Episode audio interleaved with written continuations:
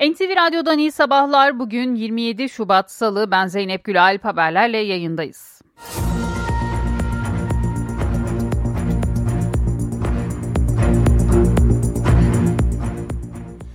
Cumhurbaşkanı Recep Tayyip Erdoğan AK Parti genişletilmiş il seçim işleri başkanları toplantısında parti teşkilatına uyarılarda bulundu. Seçimin saha ve sandıkta kazanılabileceğini söyleyen Cumhurbaşkanı Erdoğan, sahada yoksanız sandıkta esameniz okunmaz. İnşallah 31 Mart'ta da birinciliği kimseye kaptırmayacağız dedi. AK Parti'den ayrılan bazı adayların seçimi kazanırsam AK Parti'ye döneceğim dediğini hatırlattı. Sirk cambazlarına prim vermeyin ifadesini kullandı. Erdoğan toplantının ardından gazetecilerin sorularını da yanıtladı. Cumhurbaşkanı Yeniden Refah Partisi ile ilgili soruya Yeniden Refah kendi yolunda genel seçimdeki tavrından kopmuş durumda diye yanıt verdi.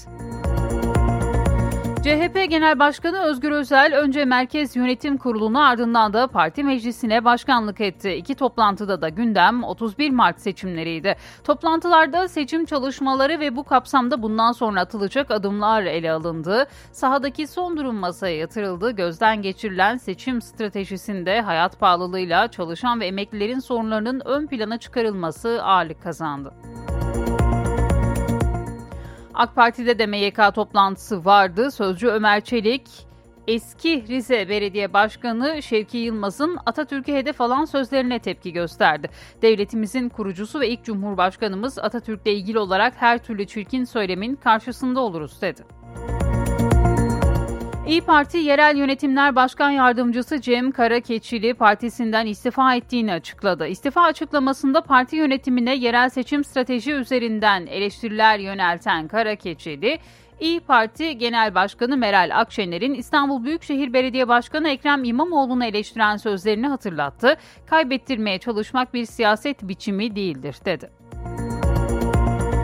İstanbul'da Marmaray Tüp geçişi sonrası atıl kalan tarihi tren yolu yeniden düzenlenerek ulaşıma açıldı. Kazlıçeşme Sirkeci arasındaki raylı sistem hattının ilk seferini Cumhurbaşkanı Recep Tayyip Erdoğan yaptı. Hat 15 gün ücretsiz olacak.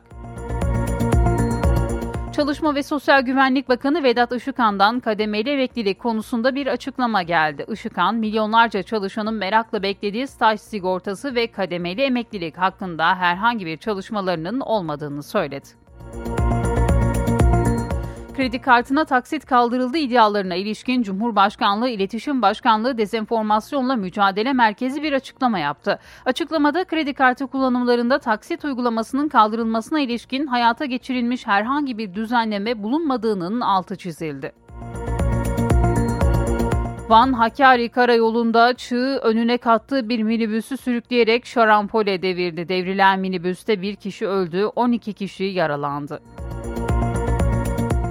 Diyarbakır'da 6 Şubat'taki ilk depremde 89 kişinin yaşamını yitirdiği galeriya sitesiyle ilgili davada tanıklardan inşaat mühendisi Mehmet Fuat Ezber konuştu. Ezber, yeraltı sularına yönelik inceleme yaptıklarını belirterek bütün binalarda temel atılmadan önce zemin etüdünün yapılması lazım. Yoksa yapılan binalar riskli olur. Raporda temelin riskli olduğunu söylemiştik. Raporun projeye eklenmesi gerekiyordu ancak raporun sonradan projeye eklenmediğini öğrendik ifadelerini kullandı.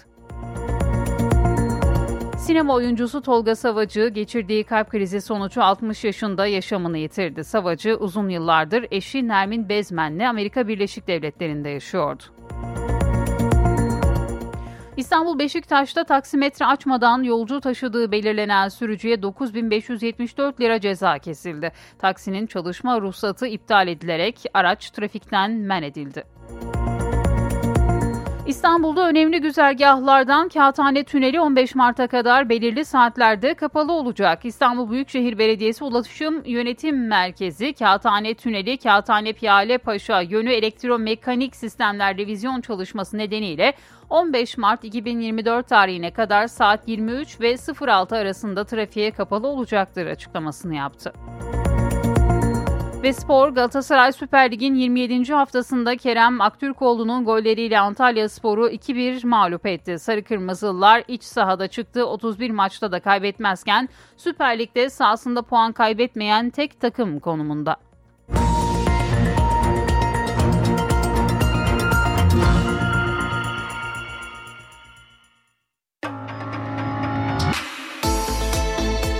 İşe giderken gazetelerin gündemi.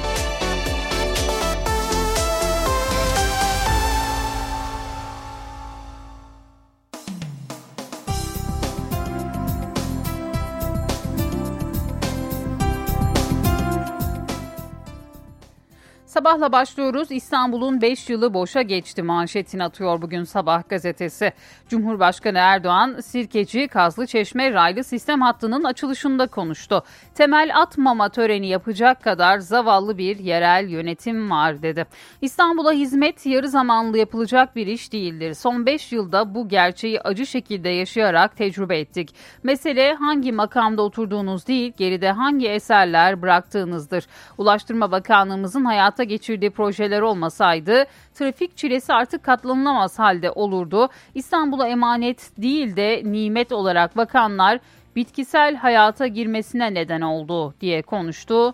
Cumhurbaşkanı. İsrail mutlaka hesap vermeli bir diğer haber. Lahey'de Uluslararası Adalet Divanı'nda sunum yapan Dışişleri Bakan Yardımcısı Ahmet Yıldız, İsrail zulmüne gözümüzü kapatamayız diye konuştu. Aslanın pençesi Kerem Aktürkoğlu yine bugün sabahın ilk sayfasında bu başlıkla dünkü galibiyet haberi duyuruluyor.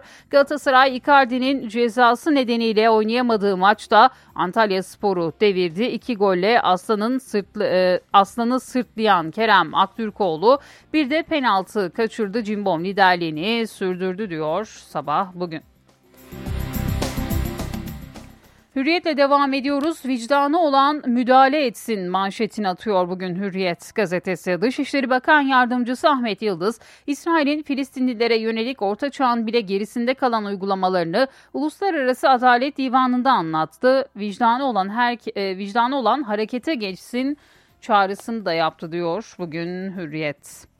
Tarihi tren yolu yeniden canlandı. Cumhurbaşkanı Erdoğan İstanbul'da 8.3 kilometrelik Sirkeci Kazlı Çeşme raylı sistem ve yaya odaklı yeni nesil ulaşım projesini hizmete açtı. Krom madeninde mucize kurtuluş yine Hürriyet'in ilk sayfasından bir diğer başlık. Elazığ'ın Palo ilçesindeki krom madeninde dün sabah göçük meydana geldi. Dört işçi göçükte kaldı. Hızlı ve zamanında müdahaleyle işçiler göçükten sağ olarak kurtarıldı. Tavan çatlatan gürültü davası yine Hürriyet'in ilk sayfasına taşıdığı bir diğer başlık. İstanbul'da iç mimar Sahra Cansu Yıldırım aşırı gürültü yaparak evinin tavanını çatlattığı iddiasıyla üst kat komşusu Selenge'ye dava açtı. Selenge'nin eski eşinin de, eski eşine de iki aydır uzaklaştırma aldırdı ve bu haberde yine bugün Hürriyet gazetesinde yer aldı.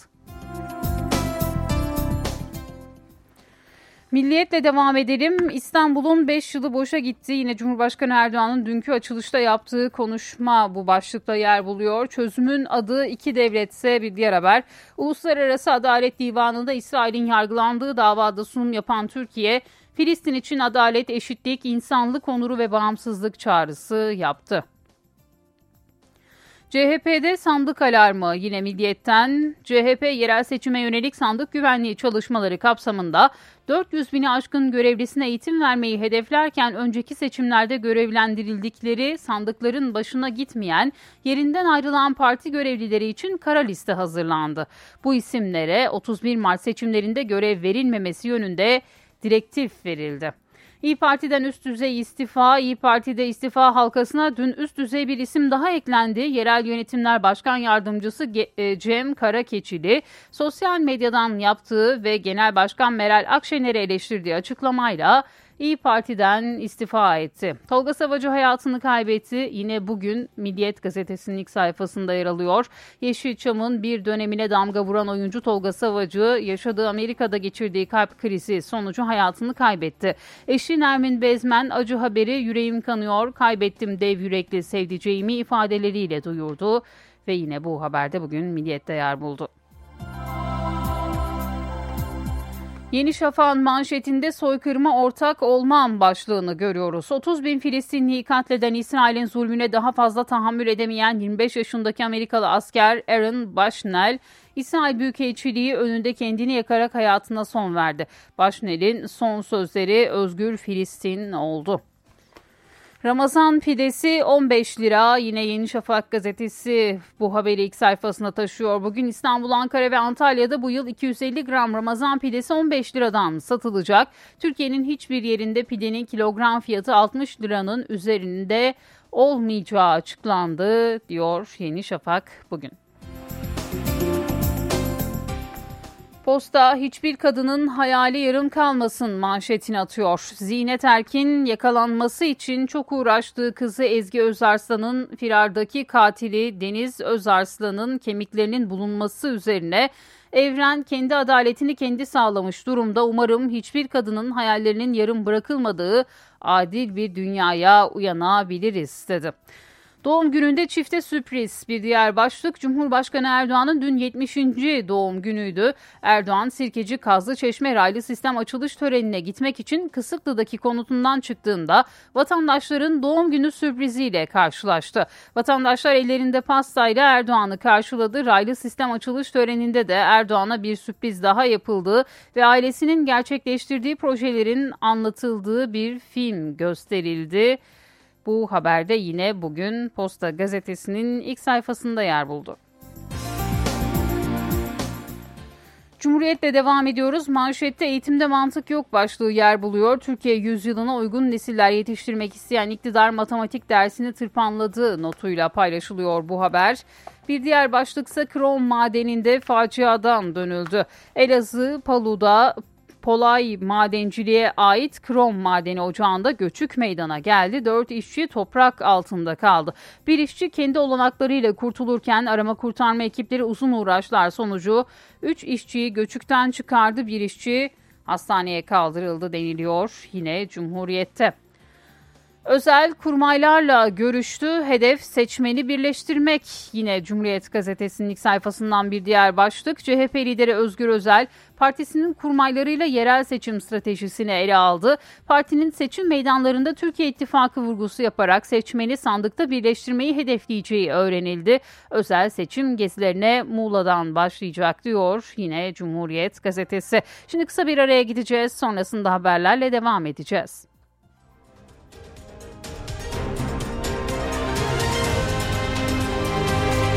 NTV Radyo Titanic Hotels köşedeki kitapçıyı sunar. Merhaba, ben Adnan Bostancıoğlu.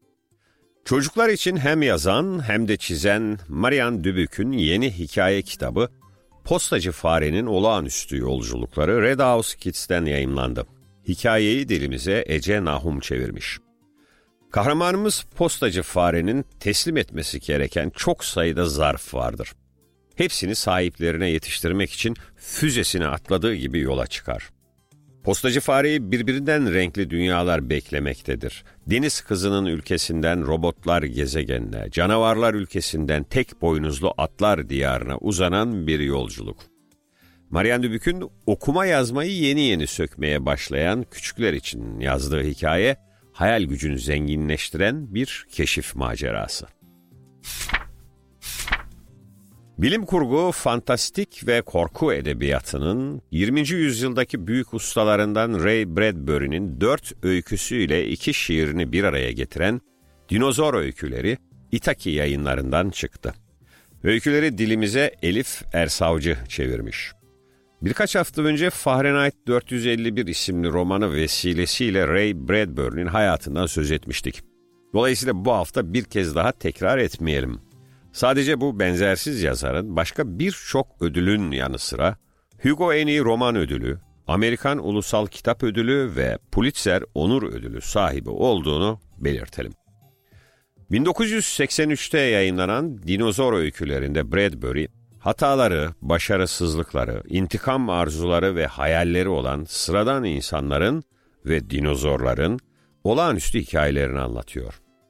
Tarih öncesi çağlara safari düzenleyen bir şirket, yavaş yavaş dinozora dönüşen bir çocuk, bir deniz fenerini saplantı haline getiren uzak zamanlardan bir canavar, beyaz perdeden çıkıp günlük hayata karışan dinozorlar. Bradbury öykülerinde bugüne bakabilmek için ne kadar geriye gitmek gerektiğinin cevabını arıyor. Herkese iyi okumalar, hoşça kalın. Titanic Hotels köşedeki kitapçıyı sundu. Aküsü. Yiğit Akü yol durumunu sunar. Karayolları Genel Müdürlüğü duyurdu. İstanbul-Ankara yolunun 3-6. kilometrelerinde ve İzmir-Manisa yolunun 8-10. kilometrelerinde yol bakım ve onarım çalışmaları yapıldığından ulaşım kontrollü olarak sağlanıyor. Sürücüler dikkatli seyretmeli. Aküsü. Yiğit Akü yol durumunu sundu.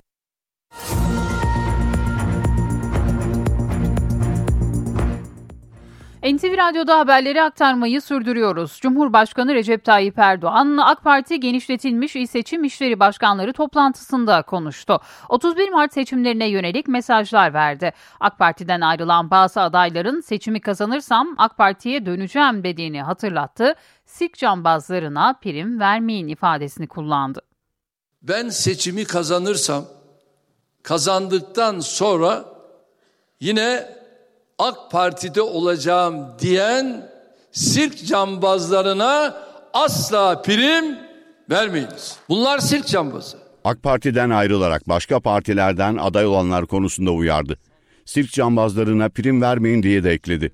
Cumhurbaşkanı Recep Tayyip Erdoğan, AK Parti genişletilmiş il seçim işleri başkanları toplantısında konuştu. Geçmişte AK Parti'de bulunup da hangi sebeple olursa olsun başka partiye gidenler için de aynı durum geçerlidir. Bu durumdaki hiç kimsenin AK Parti veya bizim adımıza konuşma, o isteme, hatta böyle bir imada bulunma hakkı yoktur. Ama AK Parti'den ayrılıp da bu partinin gölgesinde korsan siyaset yapmaya kalkana da kimse kusura bakmasın eyvallah etmeyiz. Cumhurbaşkanı Erdoğan'ın CHP'ye eleştirileri de vardı. CHP bölücülerle terör örgütü mensuplarıyla işbirliğine girecek kadar rotasını kaybetmiştir. Neyin karşılığında Kandil'le uzlaşıldığını kimse bilmiyor. Erdoğan toplantının ardından gazetecilerin sorularını da yanıtladı. Yeniden Refah Partisi'nin kendi adaylarıyla seçime girme kararını değerlendirdi. Yeniden Refah'ın tavrını zaten sizler de biliyorsunuz. Yerel seçimde şu anda e, kendileri yeniden refah olarak birçok yerde ya bizden ayrılmış olanlar veyahut da bize karşı tavır içerisinde olanları aday olarak çıkardılar. Onlarla beraber yollarına devam ediyorlar. Cumhurbaşkanına Türkiye yeniden F-35 programına döner mi sorusu da yöneltildi. Bizim şu andaki planımız, programımız F-35'ten öte artık F-16'ya kilitlenmiş vaziyetteyiz. Bize gelen senatörlerle de yaptığımız görüşmede daha çok biz şu anda F-16'larla ilgili ne gibi adımlar atarız bunları konuştuk. CHP Genel Başkanı Özgür Özel önce Merkez Yönetim Kurulu'na ardından da parti meclisine başkanlık etti. İki toplantıda da gündem 31 Mart seçimleriydi. Toplantılarda seçim çalışmaları ve bu kapsamda bundan sonra atılacak adımlar ele alındı. Sahadaki son durum masaya yatırıldı. Gözden geçirilen seçim stratejisinde hayat pahalılığıyla çalışan ve emeklilerin sorunlarının ön plana çıkarılması ağırlık kazandı. Emekli ikramiyesi sadece ve sadece 1000 lira arttırıldı. Gerçekten emeklilerle dalga geçiyorlar. MYK toplantısı sonrası kameraların karşısına geçen CHP sözcüsü Deniz Yücel, emeklinin bayram ikramiyesine yapılacak %50 zamın yetersiz olduğunu söyledi. Hükümete eleştiriler yöneltti. Emekliler dini bayramlarda ödenen bayram ikramiyesiyle 2018 yılında küçükbaş kurbanlık alabiliyordu. Bu yılsa sadece 6-7 kilo et alabilecekler. İyi Parti Genel Başkanı Meral Akşener ise Ankara Yeni Mahalle'de esnafı ziyaret etti, sorunlarını dinledi. Belediye başkan adayları için oy istedi. Büyükşehir adayımız nasıl? İnşallah Allah izniyle. Bak ben 3 yıl evvel de gezdim. Ve dedim ki seçim zamanı gelip oy isteyeceğim diye. Şimdi istiyoruz. İyi Parti Genel Başkanı Meral Akşener seçim çalışmalarına devam ediyor. Akşener, Ankara Yeni Mahalle'de esnaf ziyareti gerçekleştirdi. Yerel seçimlere kısa bir süre kala partisine destek istedi. Başkanım 7 tane oyum sizin öbüründe de size vermiştim. Ay sağ ol. Allah razı olsun. Ee, İyi Parti lideri esnafla sohbet etti, sorunlarını dinledi. Hatıra fotoğrafı da çektirdi. İşler nasıl? Dur. Hem de çok Akşener'e İyi Parti'nin Ankara Büyükşehir Belediye Başkan adayı Cengiz Topel Yıldırım, İyi Parti'nin Yeni Mahalle Belediye Başkan adayı Sevim Çağlayan ve İyi Parti sözcüsü Kürşat Zorlu da eşlik etti. Evet. Bu arada İyi Parti Yerel Yönetimler Başkan Yardımcısı Cem Karakeçili partisinden istifa ettiğini açıkladı. İstifa açıklamasında parti yönetimine yerel seçim stratejisi üzerinden eleştiriler yönelten Karakeçili, İyi Parti Genel Başkanı Meral Akşener'in İstanbul Büyükşehir Belediye Başkanı Ekrem İmamoğlu'na eleştiren sözlerini hatırlattı. Kaybettirmeye çalışmak bir siyaset biçimi değildir dedi. AK Parti'de de MYK toplantısı yapıldı dün. Sözcü Ömer Çelik açıklamalarda bulundu. Çelik eski Rize Belediye Başkanı Şevki Yılmaz'ın Atatürk'e hedef alan sözlerine tepki gösterdi.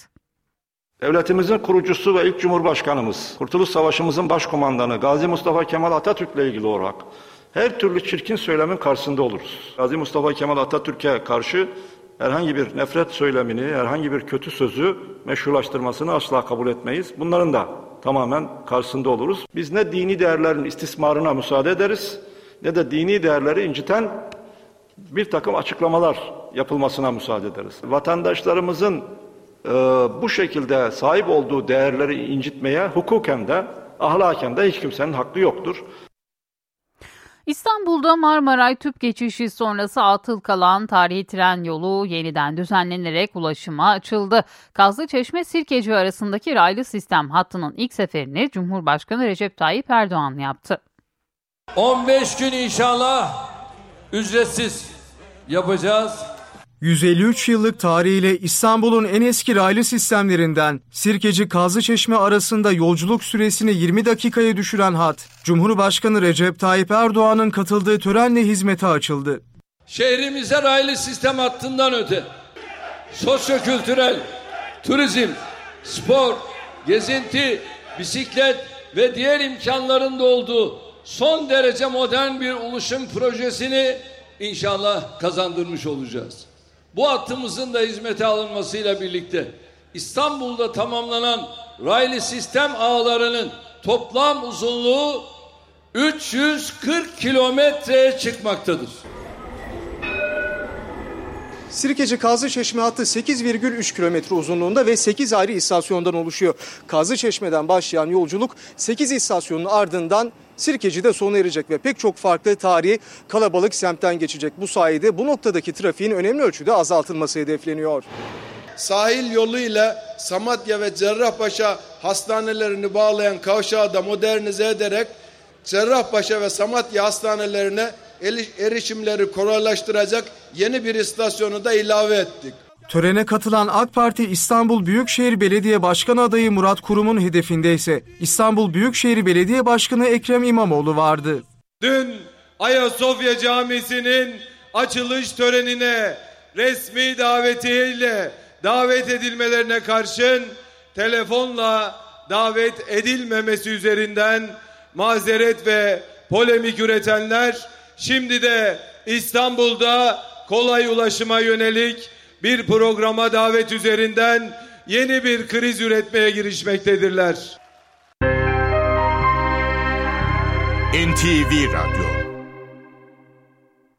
Van Hakkari Karayolu'na çığ düştü. O sırada yoldan geçen yolcu minibüsü çığın etkisiyle sürüklenerek kar kütlesi altında kaldı. Minibüste bulunan yolculardan biri hayatını kaybetti. Karayoluna çığ düştü. Çığın etkisiyle sürüklenen minibüs kar kütlesinin altında kaldı. Bir kişi hayatını kaybetti, 12 kişi yaralandı. Yolculardan bazıları kendi imkanlarıyla minibüsten kurtulmayı başardı. Bölgeye arama kurtarma ekipleri sevk edildi. Minibüs içinde kalan yolcuları kurtarmak için ekipler seferber oldu. Ancak yolculardan biri hayatını kaybetti. Yaralanan 12 kişi çevredeki hastanelere kaldırıldı. Yaralıların durumu iyi. Van valisi Ozan Balcı hastanede yaralıları ziyaret etti.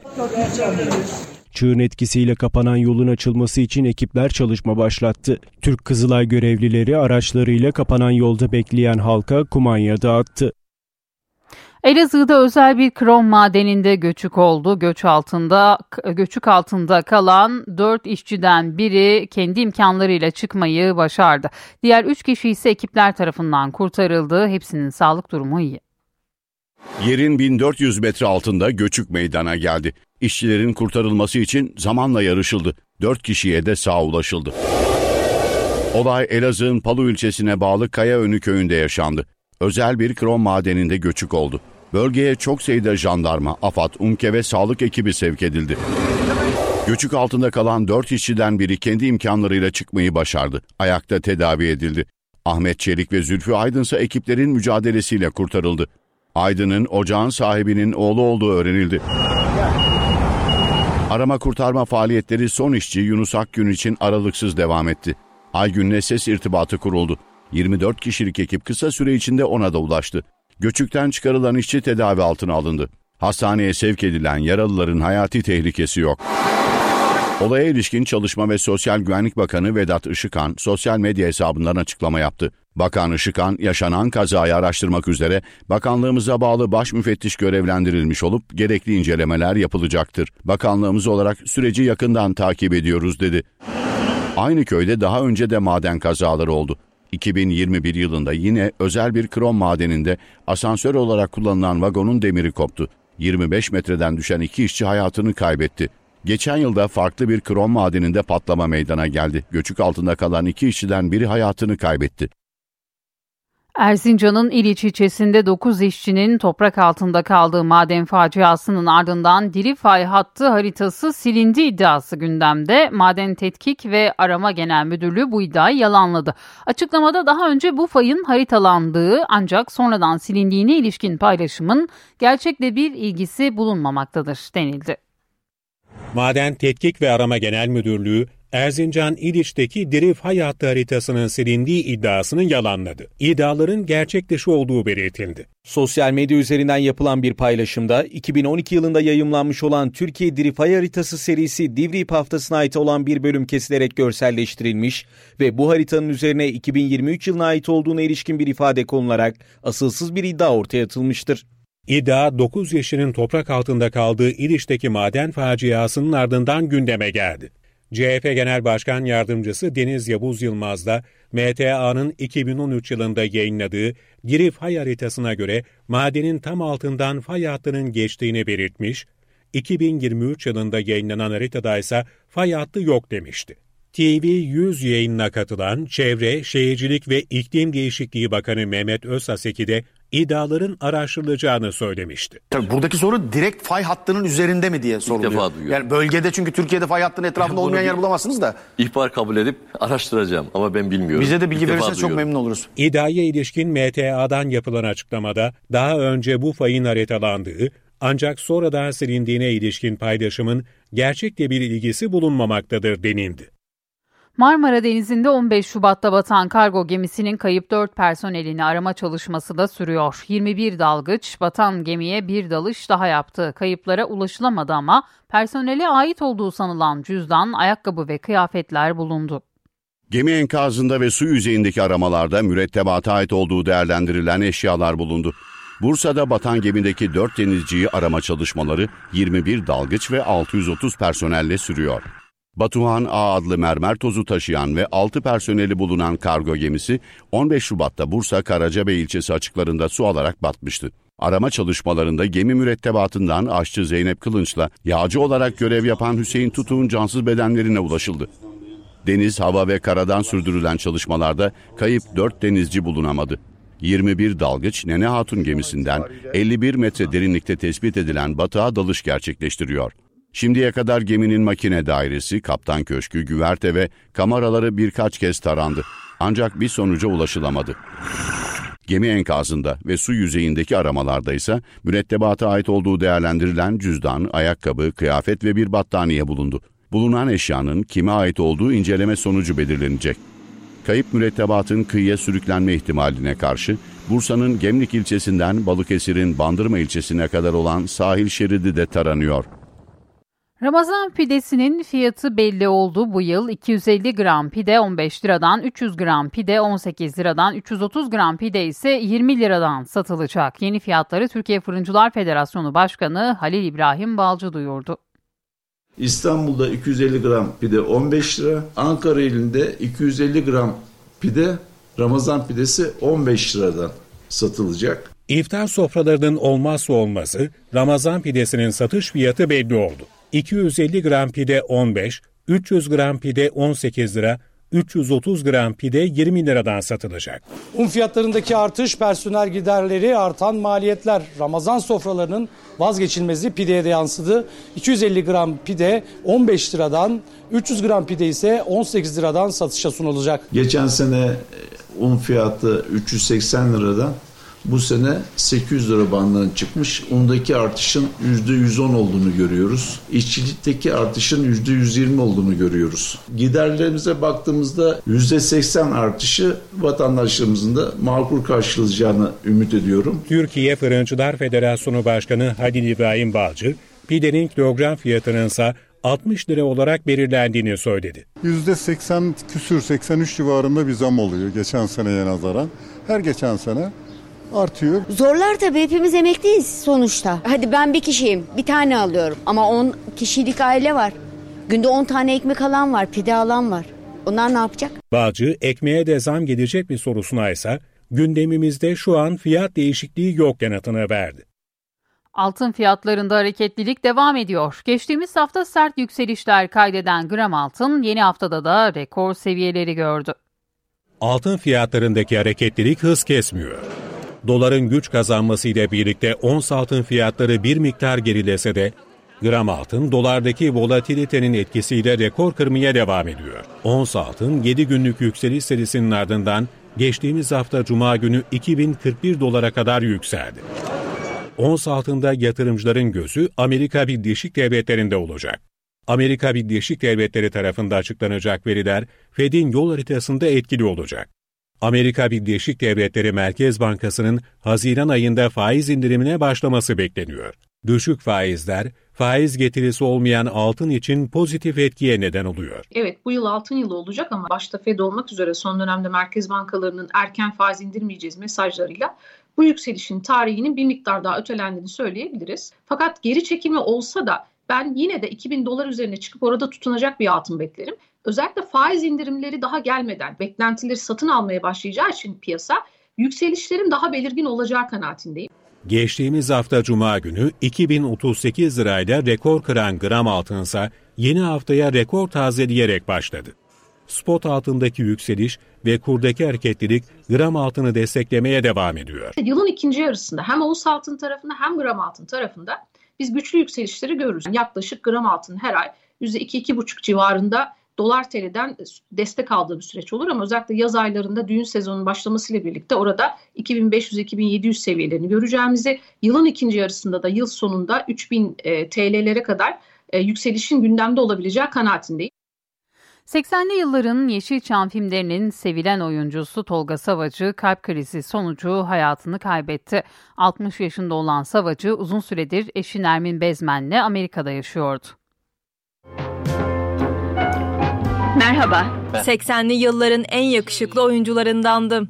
Banu Alkan'dan Hülya Avşar'a dönemin birçok yıldızıyla filmlerde yer aldı. Hep babanın eline bakacak halin yok herhalde.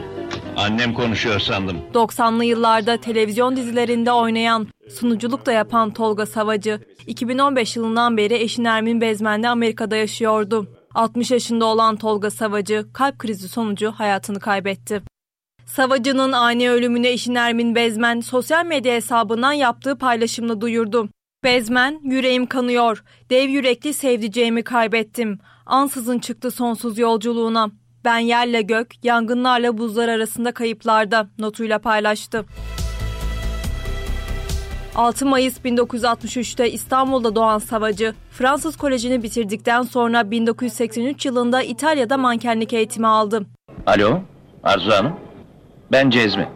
1985 yılında Banu Alkan'la başrolde yer aldığı Arzu filmiyle beyaz perdeye adım attı. Hülya, parasal sıkıntınız varsa Bırak da yardım edeyim. Tolga Savacı 80'li yıllarda Banu Alkan ve Hülya Avşar başta olmak üzere birçok kadın yıldızla çeşitli filmlerde yer aldı. Gençliğinde motosiklet yarışçılığı yapan su topu oynayan Savacı, 1992'de ilk evliliğini Zülfü Livaneli'nin kızı Aylin Livaneli ile yaptı. Savacı 3. evliliğini 2015 yılında yazar Nermin Bezmen'le yaptı. Eşiyle birlikte Amerika'nın New Jersey eyaletine yerleşen Savacı, burada klasik otomobillerin bakımı üstüne çalışmalar yaptı. NTV Radyo, Türkiye'nin haber radyosu. HDI Sigorta İstanbul'un yol durumunu sunar.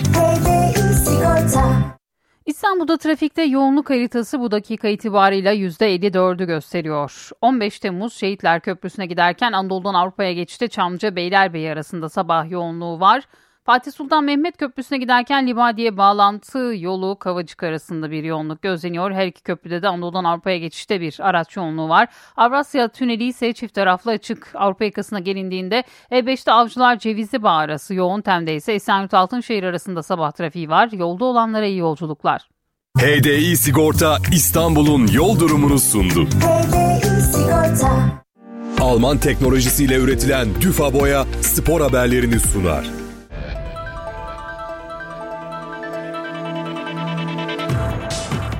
Trendyol Süper Lig'de 27. hafta dün oynanan tek maçta tamamlandı. Galatasaray haftanın kapanış maçında konuk ettiği Antalya Spor'u 2-1 yenerek liderliğini korudu.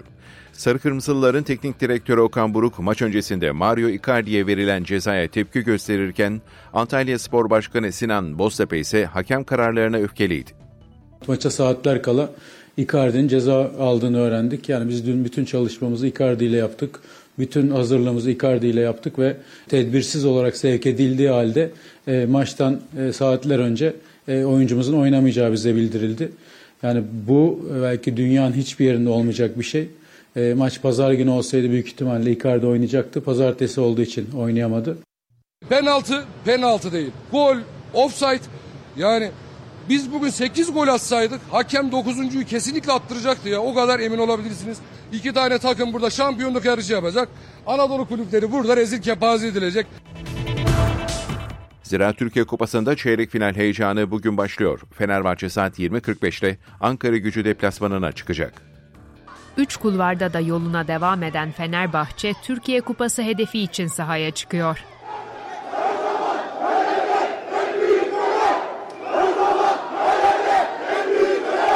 İsmail Kartal'ın ekibi çeyrek finalde bu akşam Ankara gücüne konuk olacak. Fenerbahçe başkente 4 eksikle gitti. Tedavileri süren İrfan Can Kahveci ve Joshua King'in yanı sıra Çağlar Söyüncü ve takımla çalışmalara başlayan Fred kafilede yer almadı. İsmail Kartal'ın takımını İrfan Can, Mert Bonucci Beka Osterwolde, İsmail Zayt's, Cengiz, Mert Hakan, Tadiç ve Batshuayi ilk 11 ile sahaya sürmesi bekleniyor. Fenerbahçe kupada 5. turda Adana Sporu son 16 turunda Gaziantep Futbol Kulübü'nü elemişti. Eryaman Stadyumunda saat 20.45'te başlayacak mücadeleyi Bahattin Şimşek yönetecek. Atilla Karaoğlan, Mainz'la Manchester City takımları arasında oynanacak olan UEFA Gençlik Ligi müsabakasında düdük çalacak. Almanya'nın Mainz kentindeki Bruchweg stadında saat 18'de başlayacak müsabakada Atilla Karaoğlan'ın yardımcılıklarını Ceyhun Sesi Güzel ve Cevdet Kömürcüoğlu yapacak. Kupa Voley'de dörtlü finale ev sahipliği yapacak şehirler belli oldu. Akse Sigorta Kupa Voley'de dörtlü final organizasyonuna kadınlarda Ankara, erkeklerde ise Bursa ev sahipliği yapacak. Dörtlü final maçları kadınlarda 23-24 Mart tarihlerinde Ankara Spor Salonu'nda oynanacak. Erkeklerde ise final mücadelesi 26-27 Mart tarihlerinde Bursa'daki Cengiz Göllü Voleybol Salonu'nda yapılacak. Aksa Sigorta Kupa Voley'de yarı finale kadınlarda Fenerbahçe Opet, Türk Hava Yolları, Eczacıbaşı Dynavit ve Vakıfbank, erkeklerde ise Ziraat Bankart, Arkas Spor, Halkbank ve Fenerbahçe Parola Para yükselmişti. Alman teknolojisiyle üretilen zemin boyası Düfa Boya spor haberlerini sundu. Saat 8 Türkiye ve Dünya gündeminde bu saate kadar öne çıkan başlıklara bir haber turuyla bakacağız. Cumhurbaşkanı Recep Tayyip Erdoğan AK Parti genişletilmiş il seçim işleri başkanları toplantısında parti teşkilatına uyarılarda bulundu. Seçimin saha ve sandıkta kazanılabileceğini söyleyen Cumhurbaşkanı sahada yoksanız sandıkta esameniz okunmaz inşallah 31 Mart'ta da birinciliği kimseye kaptırmayacağız dedi. AK Parti'den ayrılan bazı adayların seçimi kazanırsam AK Parti'ye döneceğim dediğini hatırlattı. Sirk cambazlarına prim vermeyin ifadesini kullandı. Erdoğan toplantının ardından gazetecilerin sorularını da yanıtladı. Cumhurbaşkanı Erdoğan yeniden Refah Partisi ile ilgili soruya yeniden Refah kendi yolunda genel seçimdeki tavrından kopmuş durumda dedi. CHP Genel Başkanı Özgür Özel önce Merkez Yönetim Kurulu'nu ardından da parti meclisine başkanlık etti. İki toplantıda da gündem 31 Mart seçimleriydi. Toplantılarda seçim çalışmaları ve bu kapsamda bundan sonra atılacak adımlar ele alındı. Sağdaki son durum masaya yatırıldı. Gözden geçirilen seçim stratejisinde hayat pahalılığı ve çalışan emek ve emeklilerin sorunlarının ön plana çıkarılması ağırlık kazandı. AK Parti'de MYK toplantısı yapıldı dün. Sözcü Ömer Çelik, eski Rize Belediye Başkanı Şevki Yılmaz'ın Atatürk'e hedef alan sözlerine tepki gösterdi. Devletimizin kurucusu ve ilk Cumhurbaşkanımız Atatürk'le ilgili olarak her türlü çirkin söylemin karşısında oluruz dedi. İyi Parti Yerel Yönetimler Başkan Yardımcısı Cem Karakeçili partisinden istifa ettiğini açıkladı. İstifa açıklamasında parti yönetimine yerel seçim stratejileri üzerinden eleştiriler yönelten Karakeçili, İyi Parti Genel Başkanı Meral Akşener'in İstanbul Büyükşehir Belediye Başkanı Ekrem İmamoğlu'nu eleştiren sözlerini hatırlattı. Kaybettirmeye çalışmak bir siyaset biçimi değildir dedi. İstanbul'da Marmaray Tüp geçişi sonrası atıl kalan tarihi tren yolu yeniden düzenlenerek ulaşıma açıldı. Kazlıçeşme Sirkeci arasındaki raylı sistem hattının ilk seferini Cumhurbaşkanı Erdoğan yaptı. Hat 15 gün ücretsiz olacak. Çalışma ve Sosyal Güvenlik Bakanı Vedat Işıkhan'dan kademeli emeklilik konusunda bir açıklama geldi. Işıkhan milyonlarca çalışanın merakla beklediği staj sigortası ve kademeli emeklilik hakkında herhangi bir çalışmalarının olmadığını söyledi. Kredi kartına taksit kaldırıldı iddialarına ilişkin Cumhurbaşkanlığı İletişim Başkanlığı Dezenformasyonla Mücadele Merkezi bir açıklama yaptı. Açıklamada kredi kartı kullanımlarında taksit uygulamasının kaldırılmasına ilişkin hayata geçirilmiş herhangi bir düzenleme bulunmadığının altı çizildi. Van Hakkari Karayolu'nda çığ düştü. Önüne kattığı bir minibüsü de sürükleyerek şarampole devirdi. Devrilen minibüste bir kişi öldü, 12 kişi yaralandı. Diyarbakır'da 6 Şubat'taki ilk depremde 89 kişinin yaşamını yitirdiği galeriya sitesiyle ilgili davada tanıklardan inşaat mühendisi Mehmet Fuat Ezber konuştu. Ezber yeraltı sularına yönelik inceleme yaptıklarını belirtti. Bütün binalarda temel atılmadan önce zemin etüdünün yapılması lazım yoksa yapılan binalar riskli olur. Raporda temelin riskli olduğunu söylemiştik. Raporun projeye eklenmesi gerekiyordu ancak raporun sonradan projeye eklenmediğini öğrendik ifadelerini kullandı. Sinema oyuncusu Tolga Savacı geçirdiği kalp krizi sonucu 60 yaşında yaşamını yitirdi. Savacı uzun yıllardır eşi Nermin Bezmen'le Amerika Birleşik Devletleri'nde yaşıyordu. İstanbul Beşiktaş'ta taksimetre açmadan yolcu taşıdığı belirlenen sürücüye 9574 lira ceza kesildi. Taksinin çalışma ruhsatı iptal edildi ve araç trafikten men edildi. İstanbul'daki önemli güzergahlardan Kağıthane Tüneli 15 Mart'a kadar belirli saatlerde kapatılacak. İstanbul Büyükşehir Belediyesi Ulaşım Yönetim Merkezi, Kağıthane Tüneli Kağıthane Piyalepaşa yönü elektromekanik sistemler revizyon çalışması nedeniyle 15 Mart 2024 tarihine kadar saat 23 ile 6 arasında trafiğe kapalı olacaktır açıklamasını yaptı. Galatasaray Süper Lig'in 27. haftasında Kerem Aktürkoğlu'nun golleriyle Antalya Sporu 2-1 mağlup etti. Sarı Kırmızılılar iç sahada çıktı 31 maçta da kaybetmezken Süper Lig'de sahasında puan kaybetmeyen tek takım konumunda. İşe giderken gazetelerin gündemi.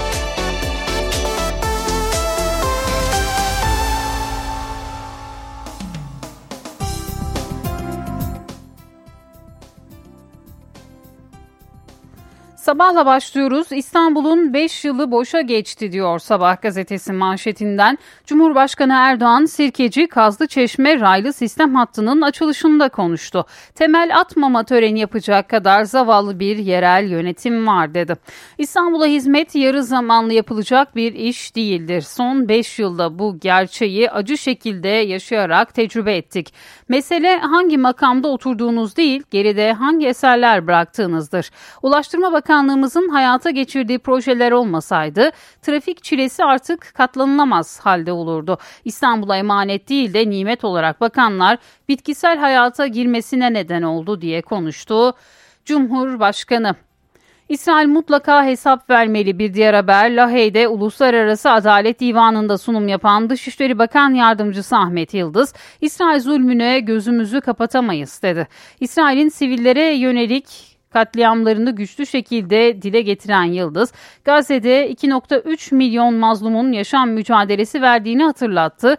Yıldız, Filistin'deki işgalin uluslararası hukuka aykırı olduğunu da belirtti diyor bugün Sabah gazetesi. Aslanın pençesi Kerem Aktürkoğlu bir diğer başlık. Galatasaray Icardi'nin cezası nedeniyle oynayamadığı maçta Antalya Sporu devirdi. İki golle Aslan'ı sırtlayan Kerem Aktürkoğlu bir de penaltı kaçırdı. Cimbom liderliğini sürdürdü diyor bugün Sabah gazetesi. Hürriyet'in manşetinde vicdanı olan müdahale etsin başlığı yer buluyor. Dışişleri Bakan Yardımcısı Ahmet Yıldız, İsrail'in Filistinlilere yönelik Orta Çağ'ın bile gerisinde kalan uygulamalarını Uluslararası Adalet Divanı'nda anlattı. Vicdanı olan harekete geçsin çağrısı yaptı. İsrail'in Filistinlilere uyguladığı adaletsizlik nedeniyle uluslararası hukuk yıkım aşamasında. İsrail'in Gazze, Batı Şeria ve Doğu Kudüs'ü işgali ve iki devletli çözümü reddetmesi barışa en önemli engel. Filistin Filistinliler İsrail'in boğucu işgali altında çok zor koşullarda yaşıyor. Filistinliler İsrail'in merhametine bırakıldı.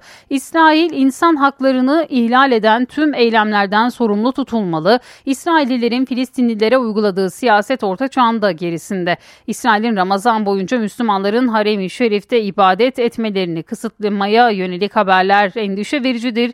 Vicdan sahibi olanlar vakit kaybetmeden harekete geçmeli diye konuştu. Ahmet Yıldız'ın açıklamaları da bugün Hürriyet'in manşetinde yer buldu. Tarihi tren yolu yeniden canlandı. Cumhurbaşkanı Erdoğan İstanbul'da 8.3 kilometrelik Sirkeci Kazlı Çeşme raylı sistem ve yaya odaklı yeni nesil ulaşım projesini hizmete açtı diyor Hürriyet gazetesi. Krom madeninde mucize kurtuluş bir diğer haber. Elazığ'ın Palo ilçesindeki krom madeninde dün sabah göçük meydana geldi. Dört işçi göçükte kaldı. Hızlı ve zamanında müdahaleyle işçiler göçükten sağ olarak kurtarıldı. Ve yine bu haberde bugün Hürriyet gazetesinin ilk sayfasında yer aldı. Milliyet çözümün adı iki devlet manşetini atıyor. Uluslararası Adalet Divanı'nda İsrail'in yargılandığı davada sunum yapan Türkiye, Filistin için adalet, eşitlik, insanlık onuru ve bağımsızlık çağrısı yaptı.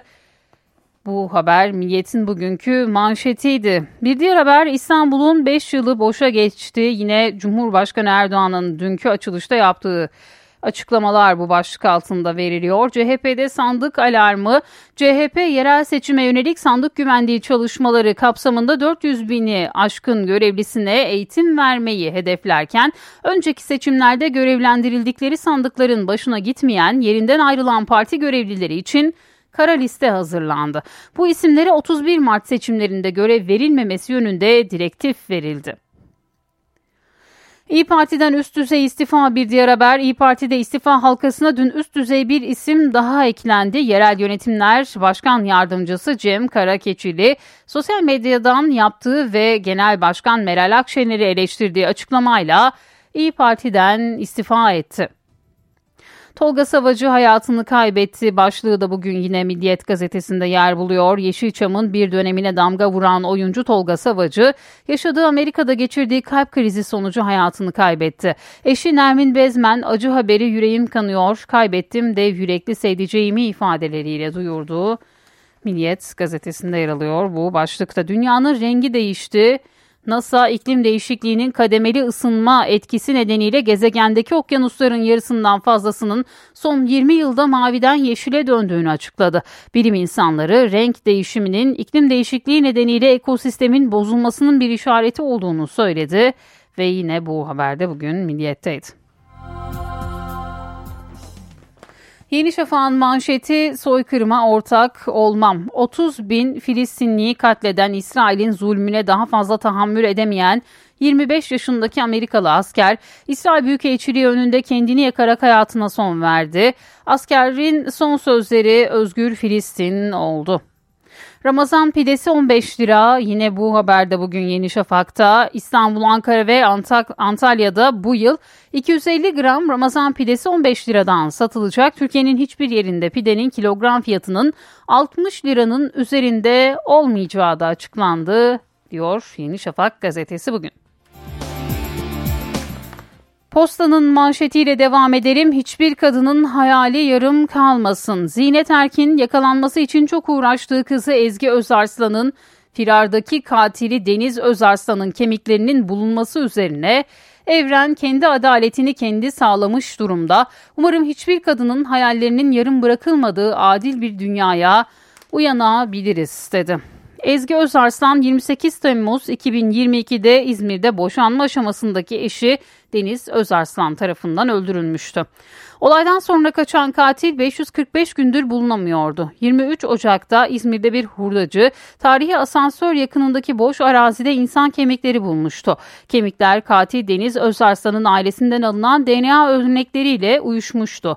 Kızının katilinin yakalanması için çalmadık kapı bırakmayan, şehir şehir gezip failin afişlerini direklere asan anne Zinet Erkin sosyal medyadan şu açıklamayı yaptı. 29 Temmuz 2022'de kızım Ezgi öldürüldü. Biz iki yıldır failin bulunması ve adaletin sağlanabilmesi için mücadelemize devam ettik. Mücadelemizde bizi bir gün olsun yalnız bırakmayan ve acımızı kendi acısıymışçasına sahiplenen herkese minnettarız dedi. Doğum gününde çifte sürpriz yine Posta gazetesinde Cumhurbaşkanı Erdoğan'ın dün 70. doğum günüydü. Erdoğan Sirkeci Kazlı Çeşme raylı sistem açılış törenine gitmek için Kısıklı'daki konutundan çıktığında vatandaşların doğum günü sürpriziyle karşılaştı. Vatandaşlar ellerinde pastayla Erdoğan'ı karşıladı. Raylı sistem açılış töreninde de Erdoğan'a bir sürpriz daha yapıldı ve ailesinin gerçekleştirdiği projelerin anlatıldığı bir film gösterildi ve yine bu haberde bugün Posta gazetesinin ilk sayfasında yer buldu. Cumhuriyet'in manşeti eğitimde mantık yok. Türkiye yüzyılına uygun nesiller yetiştirmek isteyen iktidar matematik dersini tırpanladı diyor Cumhuriyet gazetesi. Bir diğer başlıksa krom madeninde faciadan dönüldü. Elazığ Palu'da Pol, e, Polay Madenciliğe ait krom madeni ocağında göçük meydana geldi. Dört işçi toprak altında kaldı. Bir işçi kendi olanaklarıyla kurtulurken arama kurtarma ekipleri uzun uğraşlar sonucu üç işçiyi göçükten çıkardı. Bir işçi hastaneye kaldırıldı. Hedef seçmeni birleştirmek bir diğer başlık. CHP lideri Özgür Özel partisinin kurmaylarıyla yerel seçim stratejisini ele aldı. Partinin seçim meydanlarında Türkiye İttifakı vurgusu yaparak seçmeni sandıkta birleştirmeyi hedefleyeceği öğrenildi. Özel seçim gezilerine Muğla'dan başlayacak diyor. Yine bu haberde bugün Cumhuriyet Gazetesi'nin ilk sayfasında yer buluyor. NTV Radyo Evdeki Hesap. Profesör Murat Ferman hafta içi her gün ekonomideki güncel gelişmeleri NTV Radyo dinleyicileri için yorumluyor. Günaydın Sayın Ferman, mikrofon sizde. Zeynep Gül Hanım günaydın. İyi bir gün, iyi, iyi yayınlar diliyorum. Türkiye'nin 2024-2028 yıllarına ait hayvancılık yol haritası dün ilgili bakan tarafından kamuoyuyla paylaşıldı. Hayvancılık bilindiği üzere ekonominin önemli alt sektörlerinden, dinamiklerinden bir tanesi. Hayvansal gıdaların ve ürünlerin elde edilmesi için yapılan hayvan yetiştirilmesi, beslenmesi ve bakımını kapsayan bir tarım kolundan bahsediyoruz. Tabii hepimizin bildiği üzere etinden, sütünden, yumurtasından, post, kıl ve tüyünden hemen her şeyinden yararlandığımız ve gezegeni paylaştığımız hayvanlar aslında büyükbaş, küçükbaş e, ve üzerine hayvancılık sektörü içerisinde tavukçuluk ve arıcılık sektörlerinin de ilavesiyle ortaya çıkıyor. İşte bu büyükbaş, küçükbaş, tavukçuluk ve arıcılık e, değerlerimizi kapsayan e, yol haritası 2024-2028 yıllarına ait e, ilgili bakan e, yol haritası e, başlığının hayvansal üretimin planlaması temelli olduğunu ve bu anlayışa dayandığını ifade etti. E, enteresan bir ibareyi de tekrarlayalım. E, bakanlık olarak görevlerinin 85 milyon vatandaşın ve 57 milyondan fazla turistin gıda ihtiyacını güvenilir şekilde karşılamak olduğuna işaret etti. Verimli, kaliteli ve sağlıklı üretimin arttırılması hedefleniyor. Bu çerçevede 10 maddelik bir plan var. Ee, daha evvel e, destekler ve sağlanan e, diğer kapsam bakımından genişletici bir vaziyet ediş, bir duruş, bir tercih karşımıza çıkıyor. Ee, yönlendirici ve verimli e, oliği sağlayıcı e, ilkeler gene e, önemli vurgulanmış. E, mevcut modelde aşısı ve kaydı olan her buzağıya destek verilirken yeni modelde aşı ve kaydı olan her kuzu ve oğlak içinde destekler arttırılıyor. Aile işme, işletmelerinin içinde tüm hayvancılık desteklemelerinde ilk defa ilave destek sağlanmış oluyor. E, kadınlara yönelik destek 4 kat artıyor e, uluslararası kredi imkan ve mekanizmalarından yararlanma imkanları geliştiriliyor. E, bunlar enteresan unsurlar. Tabii e, bütün bunlar ölçerek, bilerek, planlanarak yapılması gereken ve hayvancılığın hayvancılık işletme ekonomisi e, vurgulu yönlerini ifade e, e, özellikle vurgu yapan önemli gelişmeler. Ama şunu unutmayalım, Türkiye'de hayvan varlığı maalesef azalıyor ve netice itibariyle Türkiye'de 22 yıldan sonra ilk defa tarım sayımı yapılıyor. Bu tarım sayımı henüz sonuçlanmadı. Henüz planlama ve icra aşamasında. Yani netice itibariyle bir yıl daha beklememiz gerekiyor. Eldeki veriler üzerinden hareket ediliyor. Bu hayvancılık 5 e, yıllık planının en önemli e, sloganlarından, manşetlerinden bir tanesi de ithalatı engellemek veya ithalatı ortadan kaldırmak. Et fiyatları biliyorsunuz neredeyse saat başı değişen bir meta, bir ürün haline geldi. Bu da işin enteresan bir tarafı. Evet, Türkiye İstatistik Kurumu 2023 yılı hayvansal üretim istatistiklerini daha evvel e, açıklamıştı 13 12 Şubat tarihi itibariyle. Buna göre büyükbaş hayvan varlığımız son 6 yılın en düşük seviyesinde. Küçükbaş hayvan varlığımız ise son 4 yılın en düşük seviyesinde. Tabii tavukçuluk ve arıcılık e, ayrı alanlar onlara da bakmakta fayda var. Ama netice itibariyle hayvancılık sektörüne planlı bir yaklaşım herhalde gereken e, bir durum ama e, elde edilen sonuçlar ve doğru ölçüm yapılması da planlamadan e, istenilen e, sonuçların elde edilmesi için mutlaka gereken bir zorunluluk. Bunun da altını çizmekte fayda var. Plansız en azından e, hiçbir şey yapamayacağınızı ve başarısız olacağınızı bilirsiniz. Planla bir parça ümitleriniz olur. Bu ümitlerin ne kadar ayakları yere basar, ne kadar gerçekleştirilebilir olduğu da doğru temellere, doğru tercihlere ve geniş ufuklu projeksiyonlara dayanmaktadır. Bu genel bilgi paylaşımı çerçevesinde değerli dinleyenlerimize katma değeri yüksek ve yüksek katma değerli bir gün diliyor. Huzurlarınızdan hürmetlerle ayrılıyorum. Profesör Murat Ferman'la evdeki hesap sona erdi. Kaçırdığınız bölümleri www.ntvradio.com.tr adresinden dinleyebilirsiniz. Dünya markası Bras çatı sistemleri finans bültenini sunar. Borsa İstanbul Yüz Endeksi 9334 seviyelerinde dolar 31.25 euro 33.90'dan işlem görüyor. Euro dolar paritesi 1.08. Altının onzu 2033 dolar. Kapalı çarşıda gram altın 2044, çeyrek altın 3457 liradan satılıyor. Brent petrolün varil fiyatı ise 82 dolar. Dünya markası Bras çatı sistemleri finans bültenini sundu. NTV Radyo Benzersiz duvarlar artık hayal değil Sandeko Boya hava durumunu sunar. Ülkede yüksek sıcaklık devam ediyor. Kurak bir hafta. Bugün de İstanbul ve Bursa güneşli. Ankara ve İzmir'de hafif yağmur olabilir. İstanbul ve Bursa 16, Ankara 15 derece. Antalya'da sabahki yağış öğleden itibaren yerini daha açık bir havaya bırakacak. Sıcaklık 18 derece. Eşsiz boya, eşsiz mekanlar. Sandeko boya hava durumunu sundu. Araç takipte liderlerin tercihi Mobiliz risk haritasını sunar. Mobiliz. Ülke genelinde gündüz sıcaklık değerleri mevsim normallerinin üzerinde. Gecelerse iç, doğu ve güneydoğu bölgelerinde soğuk geçiyor. Bu sabahları yoğun pus oluşmasına neden oluyor. Ulaşımda aksamalar yaşanabilir. Tedbirli olunmalı. Araç takipte liderlerin tercihi Mobiliz risk haritasını sundu. Mobiliz. Doğa takvimi.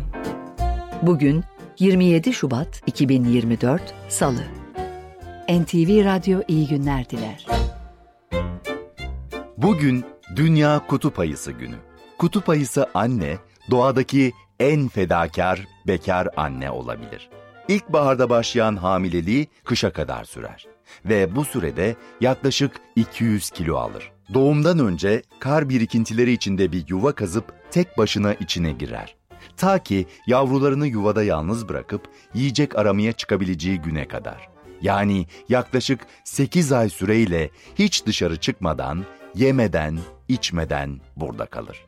Vücudunda önceden depoladığı yağ yavrularını emzirmesine yeter ve yavrular tek başına kalabilecek duruma gelince yaklaşık 8 ay sonra anne kutup ayısı ava çıkar, hem kendisi beslenir hem de yavrularına yiyecek götürür. Yavruları 2,5-3 yaşına gelinceye kadar onların yanında olur.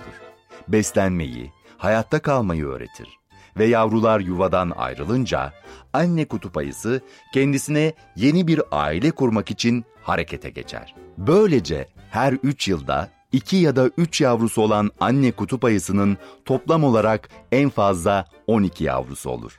Fedakar anne kutup ayısının yaşam döngüsü böyle. Peki siz annesiz kalmış bir kutup ayısını evlat edinmeyi düşünür müsünüz?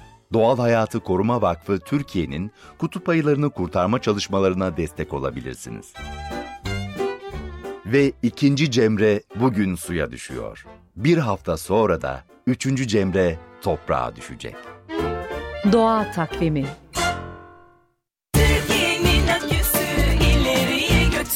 Yiğit Akü yol durumunu sunar.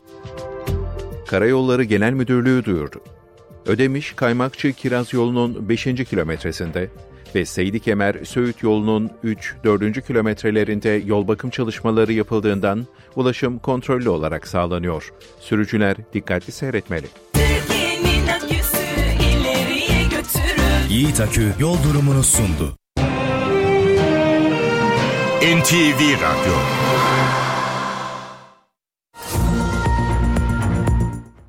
NTV Radyo'da haberleri aktarmayı sürdürüyoruz. Van Hakkari Karayolu'na çığ düştü. O sırada yoldan geçen bir yolcu minibüsü çığın etkisiyle sürüklenerek kar kütlesi altında kaldı. Minibüste bulunan yolculardan biri hayatını kaybetti.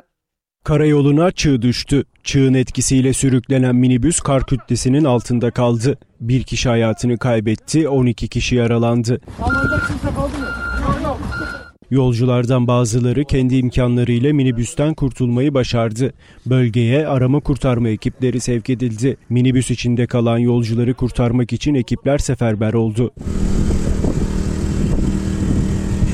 Ancak yolculardan biri hayatını kaybetti. Yaralanan 12 kişi çevredeki hastanelere kaldırıldı. Yaralıların durumu iyi. Van valisi Ozan Balcı hastanede yaralıları ziyaret etti.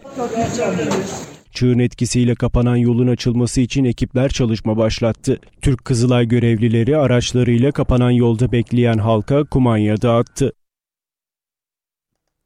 Yerel seçime yaklaştıkça adaylar arasındaki eleştiriler de sertleşiyor. AK Parti İstanbul Büyükşehir Belediye Başkan adayı Murat Kurum seçim çalışmalarına Büyükçekmece'de devam etti. Gündeminde kentsel dönüşüm hedefinde ise CHP belediyeleri ve rakibi Ekrem İmamoğlu vardı. CHP belediyeciliği demek dert demek, sıkıntı demek, sorun demek, çile demek. İSKİ'yi öyle bir hale getirdiniz ki şu anda bu devasa kurum, devasa kurum değerli kardeşlerim borç batağında ve yönetilemez hale geldi. İSKİ'yi 94 öncesinde o rezil haline geri döndürenlere, bu şehre bir litre, bir litre yeni su kaynağı getirmeyenlere elbette milletimiz 31 Mart'ta hesap soracaktır. Büyükçekmece'nin değerli kardeşlerim, kentsel dönüşüm ihtiyacı var mı? Sen Büyükçekmece'nin bunca dönüşüm sorunu varken hangi önemli işlerle meşguldün ya? İstanbul dışı gündemlerin peşindeydin. İstanbul'u basamak olarak gördün. İstanbul'u gelecek hedeflerin, emellerin uğruna İstanbul'u göz ardı ettin. İstanbul Büyükşehir Belediye Başkanı Ekrem İmamoğlu ise seçim çalışmalarını Arnavutköy'de sürdürdü. İmamoğlu emekliler ve öğrencilere yönelik vaatlerde bulundu. Biz emeklilerimize yılda tek maaşla geçinen emekli hanelerine 10 bin lira pazar desteği dağıtacağız. 10 bin lira. Yine tek emekli maaşıyla geçinen ya da tek asgari ücretle geçinen ehanelere bir kişiye ait olmak üzere ulaşım desteği vereceğiz.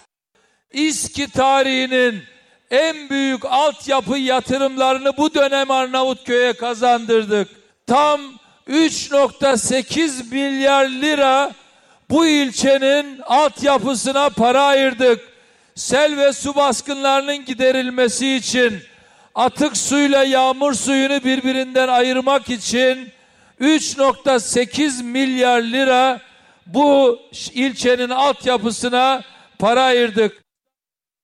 Çalışma ve Sosyal Güvenlik Bakanı Vedat Işıkhan'dan kademeli emeklilik konusunda bir açıklama geldi. Işıkhan, milyonlarca çalışanın merakla beklediği staj sigortası ve kademeli emeklilik hakkında herhangi bir çalışmalarının olmadığını söyledi. Emeklilikte yaşa takılanlar düzenlemesinden o dönemde staj yapan çalışanlar yararlanamamıştı. Staj döneminin de hesaplamaya dahil edilmesi için yoğun bir kampanya yürütülmüştü. 9 Eylül 99 tarihinden öncesini kapsayan emeklilik düzenlemesini bir gün veya veya birkaç ayla kaçıranlar da yaşanan mağduriyete dikkat çekerek ek düzenleme talebinde bulunmuştu. Kredi kartında taksit uygulamasının kaldırılacağı yönünde iddialar yalanlandı. Açıklama Cumhurbaşkanlığı İletişim Başkanlığı Dezenformasyonla Mücadele Merkezi'nden yapıldı. Bazı sosyal medya hesaplarında kredi kartına taksit kaldırıldığı iddialarının ortaya atıldığı vurgulandı. Söz konusu iddianın doğru olmadığının altı çizilirken Hazine ve Maliye Bakanlığı veya ilgili kuruluşlar tarafından kredi kartı kullanımlarında taksit uygulamasının kaldırılmasına ilişkin hayata geçirilmiş herhangi bir düzenleme bulunmamaktadır denildi edildi. Son bir yıla ilişkin veriler kredi kartıyla yapılan harcamalardaki dikkat çekici artışı ortaya koydu. Merkez Bankası verilerine göre kredi kartı kullanımında bir yıllık dönemde %150'ye yakın oranda bir artış var. Satışımızın %70'i kredi kartı. Belli bir yere kadar zaten nakit çevirebiliyorsunuz. Ondan sonra kredi kartına dönüyorsunuz. Tüketicinin de esnafın da şikayeti aynı. Vatandaş başta gıda olmak üzere her alışverişinde kredi kartı kullanıyor. Kredi kartıyla harcamalar ve tüketici kredisi kullanımında dikkat çekici bir artış yaşanıyor. Son dönemde uygulanan sıkılaşma politikalarına rağmen Merkez Bankası verilerine göre kredi kartı harcamaları Şubat ayı ortası itibariyle geçen yılın aynı ayına göre %147,2 arttı. Taksitli kredi kartı harcamalarındaki artış oranı ise %114,8 oldu. Merkez Bankası'nın yıl sonu enflasyon tahmini %36 ama örneğin kredi kartı harcamalarına bakıyoruz. Ee, Şubat ayında yıllıklandırılmış bazda %147 artmış. İnanılmaz bir artış. Bankacılık Düzenleme ve Denetleme Kurumu verilerine göre ise tüketici kredisindeki büyüme de 6 ayın zirvesine ulaştı. Hem tüketici kredilerindeki büyüme hızı hem de kredi kartı harcamalarındaki artış hızı hem şu anki mevcut enflasyonun hem de beklenen enflasyonun çok üzerinde. Merkez Bankası ilk kez ticari gayrimenkullerdeki fiyat değişimlerini açıkladı. Bir yıllık sürede dükkan fiyatları %99, e, ofis fiyatları da %94 arttı. Ticari gayrimenkullerdeki fiyat artışı konuttaki fiyat artışının üzerine çıktı dükkan ve ofis fiyatları konut fiyatlarından daha fazla arttı. Merkez Bankası ticari gayrimenkul fiyat endeksini yayınlamaya başladı. İlk kez yayınlanan endekse göre ticari gayrimenkullerin fiyatı 2023 yılı son çeyreğinde yıllık %98,2 yükseldi. Türkiye genelinde dükkan fiyatları yıllık %98,9, ofis fiyatları %94,2 artış gösterdi. Aralık ayında konut fiyat endeksindeki artış yıllık %75,5 olarak gerçekleşmişti. Türkiye'nin üç büyük ili arasında ticari gayrimenkullerin en fazla değerlendiği il %110,2 ile Ankara oldu. Ankara'da dükkan fiyatları %109,4, ofis fiyatları %103,3 yükseldi. İzmir'de ticari gayrimenkullerin fiyatlarındaki artış %110,1'i buldu. Kentte dükkan fiyatları %106,6, ofis fiyatları %125,3 arttı. Ticari gayrimenkuller İstanbul'da ise %80,9 değerlendi. İstanbul'da dükkan fiyatları %83,4 artarken ofis fiyatlarındaki artış %72,8'de kaldı. Merkez Bankası'nın ticari gayrimenkul sınıflamasına arsa, tarla, sanayi tesisi de giriyor. Veriler hazırlanırken gayrimenkul yaşı, konum, yapı kalitesi gibi değer tespitlerine de yer veriliyor. Milli Eğitim Bakanı Yusuf Tekin'den sınıf tekrarı ve devamsızlık affı ile ilgili yeni bir açıklama geldi. 81 ilin Milli Eğitim Müdürleriyle bir araya gelen Bakan Tekin, bakanlık olarak attıkları her adımı ince detayına kadar planladıklarını belirtti. Tekin, hayata geçirilen tüm projelerin titizlikle takibinin yapılması gerektiğini söyledi. Sınıf tekrarı ve devamsızlık affı ile ilgili alınan kararların da tavizsiz uygulanacağını belirtti. NTV Radyo Amerika Birleşik Devletleri Başkanı Joe Biden, İsrail ve Hamas arasındaki ateşkes görüşmelerine ilişkin bu kez umutlu konuştu. Pazartesi gününe kadar ateşkesin sağlanmasını umuyorum dedi. Hamas ve İsrail, Katar'ın başkenti Doha'da Amerika Birleşik Devletleri, Mısır ve Katar'ın ara buluculuğunda görüşmeler yapıyor. Ulusal Güvenlik Danışmanım anlaşmaya yakın olduğumuzu söyledi. Henüz bitmedi. Umudum önümüzdeki pazartesiye kadar ateşkesin sağlanması. Amerika Birleşik Devletleri Başkanı Joe Biden seçim çalışmaları için gittiği New York'taki bir dondurmacıda gazetecilerin sorularını yanıtladı. Biden, İsrail ve Hamas arasındaki ateşkes kararı için hafta başını işaret etti. Ateşkes görüşmeleri Mısır, Katar ve Amerikalı uzmanların arabuluculuğunda Katar'ın başkenti Doha'da yapılıyor. Taslak metin hafta sonu Paris'te oluşturuldu. Hamas, kadın, çocuk, yaşlı ve hasta 40 rehineyi serbest bırakacak. Karşılığında İsrail 200 ila 300 Filistinli mahkumu salı verecek. Çatışmalara 6 hafta ara verilecek. Görüşmeler sürerken İsrail ve Hamas ateşkesin sağlanamaması nedeniyle birbirini suçluyor. Hamas'ın siyasi büro başkanı İsmail Haniye, Katar emiri Şeyh Temim bin Hamed El Sani ile görüşmesinden sonra açıklama yaptı. İsrail'i müzakereleri özellikle uzatıp Gazze şeridini vurmaya devam etmekle suçladı. İsrail Başbakanı Benjamin Netanyahu da Amerikan Fox News'te Hamas'ın isteklerinin kabul edilemez olduğunu yineledi. Anlaşmanın gerçekleşmesi Hamas'a bağlı dedi. Ekonomi ve Endüstri Bakanı Nirbarkat da ateşkes sağlansa dahi Hamas'ı ortadan kaldırmaya kararlıyız ifadelerini kullandı. Milyonlarca dolarlık gizli fon dolandırıcılığı davası kapsamında mahkemeye yeni bir bilirkişi raporu ulaştı. Raporda davanın tutuklu sanığı eski banka müdürü Seçil Erzan'ın internetteki aramalarına yer verildi. Buna göre Erzan intihar etmeyi veya yurt dışına kaçmayı düşünüyordu. Hangi ilaç öldürür? Türkiye'ye suçlu iadesi olmayan ülkeler, suçlu iade etmeyen ülkeler, intihar çeşitleri. İnternet üzerinden yapılan bu aramalar yüksek karlı gizli fon dolandırıcılığı davasının tutuklu sanığı Seçil Erzan'a ait.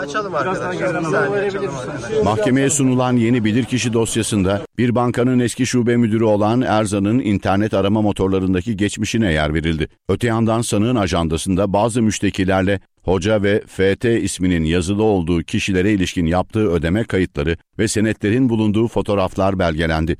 7 Nisan 2023'te müşteki Volkan Bahçekapılı ile sanık Erzan arasında gerçekleşen konuşmaların devamında ise Bahçekapılı'nın Erzan'a sen ne kadar yalancı bir kadınmışsın, şimdi hocayı arıyorum dediği belirlendi. Raporda ayrıca Ali Yörük ve Atilla Yörük'ün telefon değiştirme ya da sıfırlama işlemlerini anlaşıp birlikte yapmış olabilecekleri değerlendirildi. İki sanığın soruşturmanın başladığı tarihlerde yazılan haberlerin sayfalarını birbirlerine yolladığı da görüldü. Toplam 7 sanığın yargılandığı davada Seçil Erzan'ın 252 yıla kadar hapsi isteniyor. Eski milli futbolcular Emre Belözoğlu, Arda Turan, Fernando Muslera ile Fatih Terim'in kızı Buse Terim Bahçekapılı müştekiler arasında. Dünyanın en güçlü pasaportları belli oldu. En fazla ülkeye vizesiz seyahat imkanı sunan ülkeler Fransa, Almanya, İtalya ve Japonya oldu. Türkiye ise 118 ülkeye vizesiz erişimle 54. sırada yer aldı. Dünyanın en değerli pasaportları belli oldu. 2006 yılında ortalama vizesiz seyahat sayısı 58 ülkeyken bugün bu sayı 111'e kadar yükseldi. Hennian Partners pasaport endeksi verilerine göre pasaportu en güçlü ülkeler sıralaması yenilendi. 194 ülkeye vizesiz erişimle 5 yıldır listenin ilk sırasında yer alan Singapur ve Japonya'ya bu kez Fransa, Almanya, İtalya ve İspanya'da eklendi. Finlandiya, İsveç ve Güney Kore listedeki ikinci sırada yer alırken, Amerika Birleşik Devletleri 6. sırayla şimdiye kadarki en kötü derecelerinden birini elde etti. Amerika Birleşik Devletleri pasaportuna sahip turistler 189 ülkeye vizesiz girebiliyor. İlk 30 pasaportun 23'ü Avrupa ve Birleşik Krallık, 3'ü Asya, ikisi ise Kuzey Amerika ve Okyanusya'dan. Türkiye ise 118 ülkeye vizesiz erişimle listenin 54. sırasında yer aldı. Türkiye'nin bir üst basamağında 119 ülkeye erişimle Rusya bulunurken 52. sırada 121 ülkeyle Gürcistan, 51. sırada 122 ülkeyle Moldova yer aldı. NTV Radyo, Türkiye'nin haber radyosu. HDI Sigorta İstanbul'un yol durumunu sunar. HDI Sigorta İstanbul'da trafikte yoğunluk haritası bu dakika itibariyle %54'ü gösteriyor. 15 Temmuz Şehitler Köprüsü'ne giderken Anadolu'dan Avrupa'ya geçişte Libadiye bağlantı yolu Beylerbeyi arasında sabah yoğunluğu var. Fatih Sultan Mehmet Köprüsü'ne giderken de Küçük Bakkalköy Kavacık arası oldukça yoğun. Her iki köprüde de Anadolu'dan Avrupa'ya geçişte oldukça yoğun bir trafik gözleniyor. Avrasya Tüneli ise çift taraflı açık. Avrupa yakasına gelindiğinde E5'te yoğunluk Saadetdere'den Tem'de ise Esenyurt'tan başlıyor. Yolda olanlara iyi yolculuklar diliyoruz. HDI Sigorta İstanbul'un yol durumunu sundu. HDI Sigorta